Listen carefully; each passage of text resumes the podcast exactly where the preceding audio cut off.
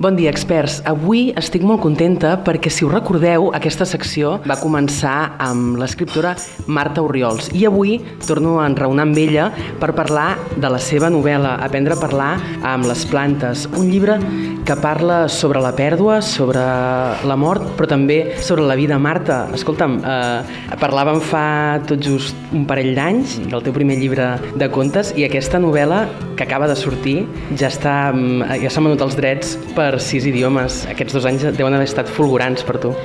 Sí, bueno, ha passat tot molt ara recent, eh? La veritat és que han sigut dos anys d'escriptura bastant intensa i la sorpresa de les traduccions és molt, molt agradable, no? És una mica com un premi gairebé a, a la feinada d'aquests dos anys, però totalment inesperat. Rolling my mouth,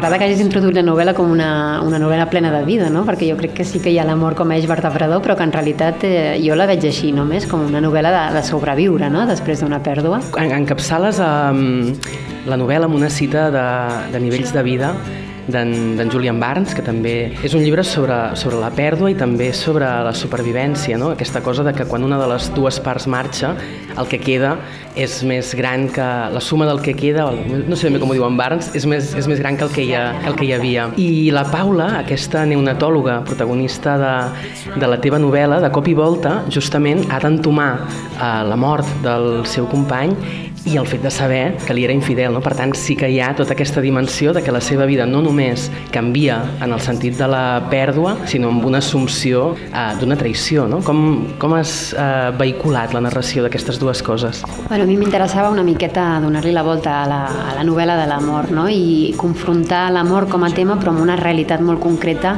que era precisament una mica aquest tabú, no? de que la protagonista es pogués inclús enfadar amb la persona que no hi era. Jo m'he donat molt a, a llegint novel·les sobre la mort de que es tendeix molt a idealitzar la persona que s'ha perdut, no? Uh, i a idealitzar inclús la mort, no? Tota aquesta literatura que gira al voltant de la mort està com molt farcida de, de, de clitxers com molt sentimentals, molt nostàlgics, i m'interessava més la veu d'ella, no? Què, què, què li passava, no? Perquè realment una mort, una mort a destemps, com la que pateix ella, a més a més, és una cosa que, que la, fa, la, la en una irrealitat uh, absoluta, no? Tota l'estona, i a més hi havia aquest doble, bueno, posar-hi aquest conflicte em va anar molt bé per poder això, fer créixer molt el personatge en aquest sentit, no? de, que tingués una confusió de sentiments absoluta, d'enfadada, de tristesa, no? de ràbia, de por, a la vegada de, de desconcert absolut. No? El que, el que veig, per exemple, en el to de la, de la novel·la, mentre la llegeixo, és que la, la Paula eh, és com si de cop i volta, si ho, si ho pensem també en, en termes mèdics, no? quan s'assabenta de, la, de la mort d'en Mauro, queda com a, en aquella mena d'encefalograma pla, no? és una, aquell pi? Com amb sordina, i tota la novel·la tinc la sensació que, que manté aquest to. No? Ella li van passant coses, és una novel·la molt quotidiana, és una novel·la d'anar al súper, de, de comprar coses, de tot plegat, no? però hi sobrevola tota l'estona aquest pip molt lleu en què ella sembla, com tu deies, viure en una irrealitat, però al mateix temps no ser molt conscient de, de res del que fa. No? Sí, sí, ella queda absolutament atrapada dintre d'un parèntesi, no? i és com si la vida anés passant al voltant d'aquest parèntesis, d'aquesta bombolla on ella està tancada amb ella mateixa, una mica per aïllar-se de la mirada dels altres, no? de que a més a més li van dient tota l'estona com ha de sentir-se, com ha de viure aquest dol, eh, i, i la necessitat de, de inclús de no voler creure's el que ha passat, no? I és veritat que la vida segueix i ella, com que és una dona pràctica i més aviat una persona dura, no? menys quan està amb els seus pacients, la veiem poc humana en aquest sentit. No? I és amb aquesta introspecció, introspecció que el lector la pot anar coneixent una miqueta més eh, doncs tot el que sent. No? I en aquest sentit sí que hi ha molt que m'interessava això, no? situar el lector en un punt molt de, de que estigués ben bé dins la ment de la Paula en tot moment. Mm.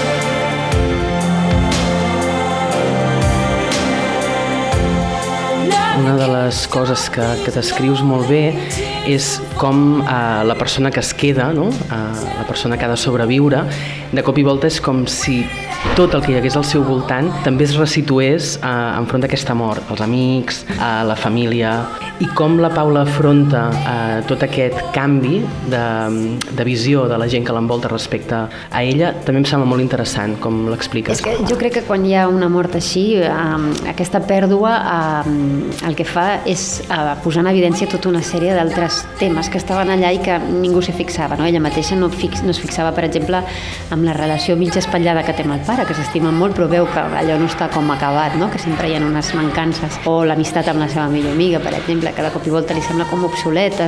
L'amor li fa reflexionar sobre, una altra, sobre unes altres realitats i a mi en aquest sentit eh, rodejar la Paula d'una sèrie de personatges secundaris que, que pivoten al seu voltant m'ha servit molt alhora també per explotar al màxim la seva personalitat no? i per posar-la amb ella en situacions com molt d'introspecció i de conèixer ella mateixa. La Paula, com dèiem, ha de bregar-se en la mort, però en el dia a dia es brega precisament amb, amb la vida, no? I aquesta dicotomia fa també que, que la seva manera d'explicar de, els dos grans temes, no? Al final de la, de, de la literatura o, o de l'escriptura, que són la vida i, i la mort, cadascun per la seva banda brillin i agafin una, una dimensió, no? Penso que és una conjunció molt bona. Sí, sí, el, el, la simbologia aquesta de la vida i la mort, amb, amb el tema de la neonatologia, neonatologia em va anar superbé, no? Primer per poder construir-li ella un, un món, no?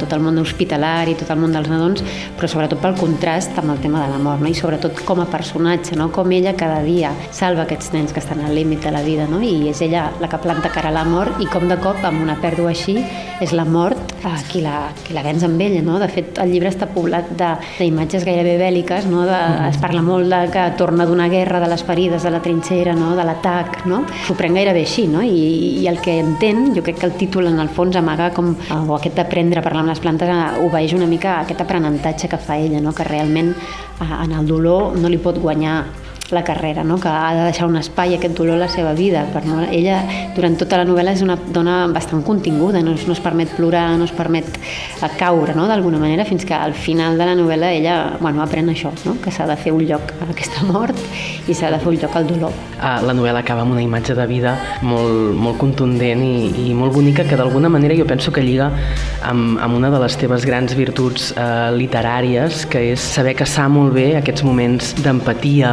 eh, o de, de relacions entre les persones, fins i tot quan són persones desconegudes, no? Generes aquesta intimitat quan escrius que, que a mi m'agrada molt.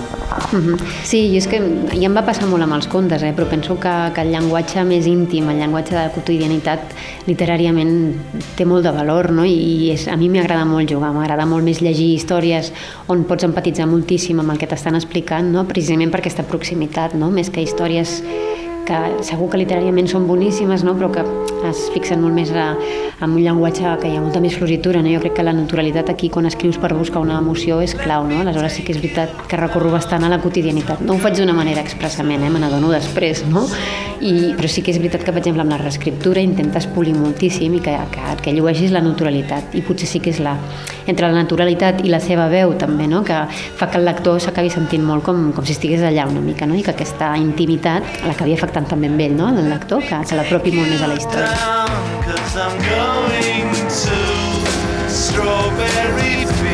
Doncs moltíssimes gràcies, Marta Oriols. Et desitgem molta sort i amb vosaltres eh, ens sentim la setmana que ve amb més llibres i més escriptors. Bon dia, experts. Els experts, retrat de dos adolescents.